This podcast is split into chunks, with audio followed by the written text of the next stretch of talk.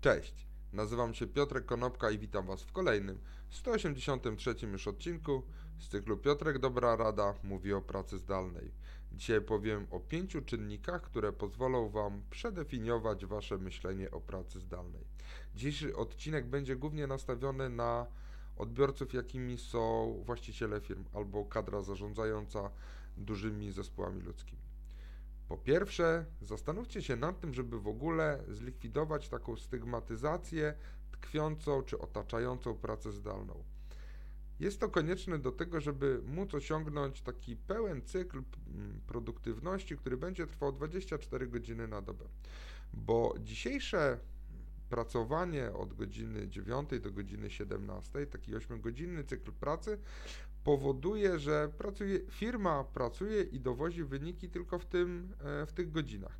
Jeżeli natomiast usunęlibyście tą stygmatyzację, że praca zdalna to nie jest do końca taka praca prawdziwa jak praca stacjonarna w biurze, bo przecież wszyscy tęsknią za pracą stacjonarną, każdy chce wrócić do tego biura, czy większość chce wrócić do tego biura, jeżeli ta stygmatyzacja uległaby likwidacji i potraktowalibyśmy pracę zdalną jak pełnoprawną pracę, to nagle może się okazać, że możemy mieć 24-godzinny cykl pracy w całej firmie.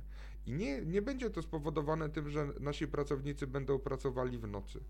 Oni będą pracowali w tych godzinach, w których mogą pracować, to znaczy mogą mieszkać w dowolnym miejscu na Ziemi, mogą dowozić te wyniki, które są nam potrzebne do tego, żeby osiągać rezultaty biznesowe naszych firm.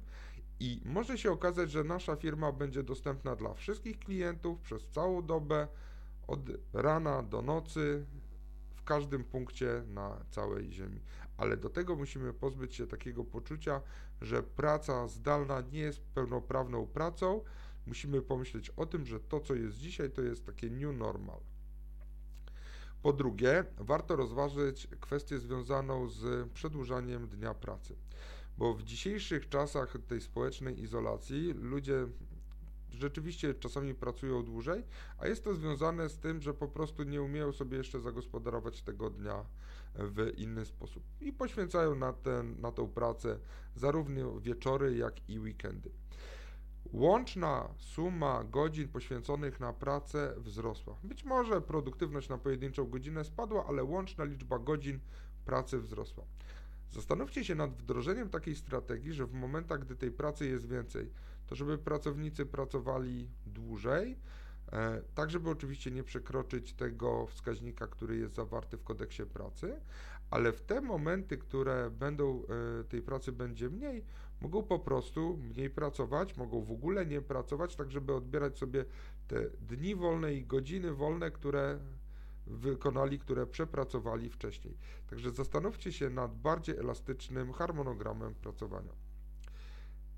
Punkt numer trzeci to jest zarządzanie. Dawniej zarządzanie polegało na tym, że patrzyło się pracownikowi na ręce, patrzyło się pracownikowi na plecy przez Open Space i w ten sposób menedżerowie bardzo często nadzorowali pracę swoich pracowników. Ale teraz, jeżeli wszyscy pracują zdalnie, no to oczywiście takiego chodzenia, zaglądania nie ma.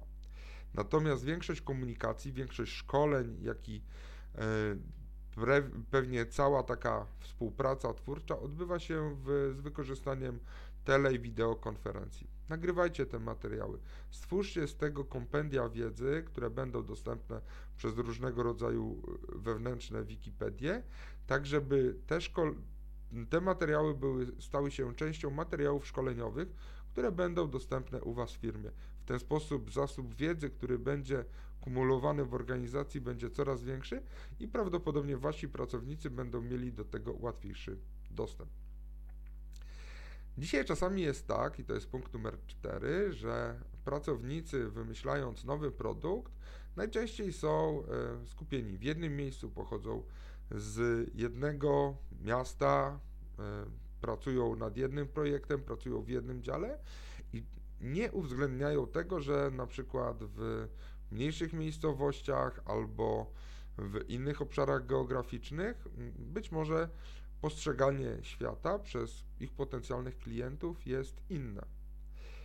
I czasami, jeżeli ktoś na przykład ma firmę w Warszawie, to czasami produkty, które są generowane i produkowane przez firmy warszawskie, często nie przystają do tego, co można zaobserwować na przykład w Kielcach, jakie są potrzeby klientów z Kielc.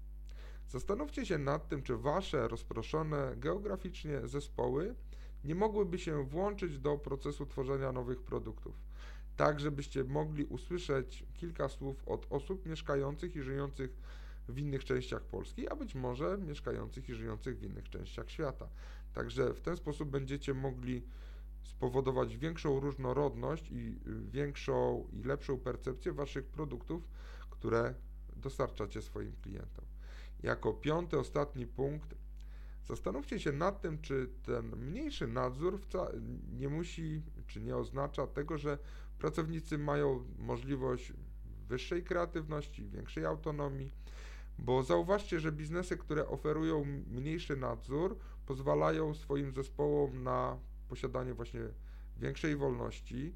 Ci pracownicy mogą eksperymentować, mogą optymizować, y, optymalizować i mogą automatyzować swoją pracę, co może spowodować, że nagle wasza firma stanie się bardziej innowacyjna, większą będzie miała produktywność, a pracownikom po prostu będzie się w niej pracowało przyjemniej. To było pięć czynników, które mogą spowodować to, że wasza firma lepiej zaadaptuje pracę zdalną na swoje potrzeby. Dzięki serdeczne, do zobaczenia i usłyszenia jutro. Na razie.